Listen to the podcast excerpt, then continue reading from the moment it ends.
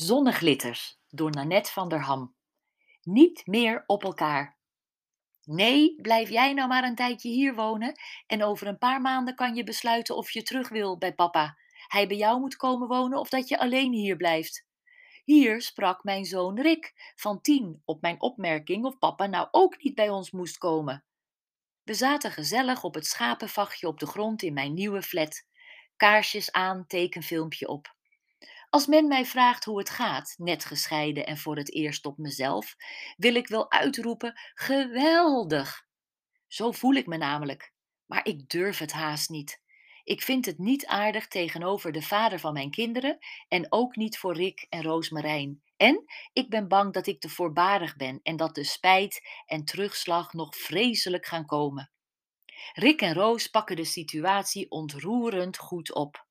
De walkie-talkie blijkt het over de afstand van 120 stappen tussen mijn en hun vaders huis te doen, zodat ze, wanneer ze maar zin hebben, mij of papa oppiepen.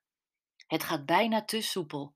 En dan de omgeving, die steeds maar roept dat ze zoiets nog nooit hebben meegemaakt. Dat ze totaal niet het gevoel hebben dat ze moeten kiezen tussen de een of de ander. Dat we een voorbeeld voor velen zijn. Nou, het zal wel. Ik verbaas me ook over de vanzelfsprekendheden, maar ben er ook heel blij mee en trots op. Het is namelijk wel de verdienste van Rick, Roosmarijn, mij en de vader van mijn kinderen dat het zo goed gaat. Massel heeft daar weinig mee te maken hoor. En het gaat ook wel mis. De avond na Sinterklaas raakte Rick ineens helemaal over zijn toeren. Hij had zitten bedenken dat papa en ik op een keer met een ander zouden gaan trouwen en dat we hem en Roos dan in de steek zouden laten. Samen hebben we in elkaars armen gehuild. Als een aapje zat hij aan mij vastgeklampt. Roos keek het met grote ogen aan en begon driftig een tekening voor Rick te maken van een dinosaurus, omdat dat zijn lievelingsdier is. Rick pakte met zijn beide handjes mijn hand en legde hem op zijn buik.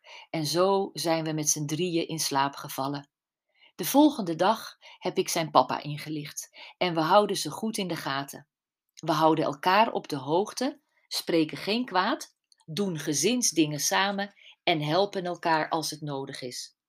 Je zal wel een toontje lager zingen als er een andere vrouw in het spel komt hoor, sprak een gescheiden vriendin venijnig.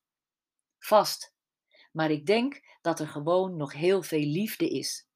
Toen Roos, zeven jaar, laatst vroeg hoe het nou zat tussen papa en mij, zuchtte Rick. Snap het dan. Het is net als bij jou en Stijn. Papa en mama vinden elkaar nog wel aardig, maar ze zijn niet meer op elkaar.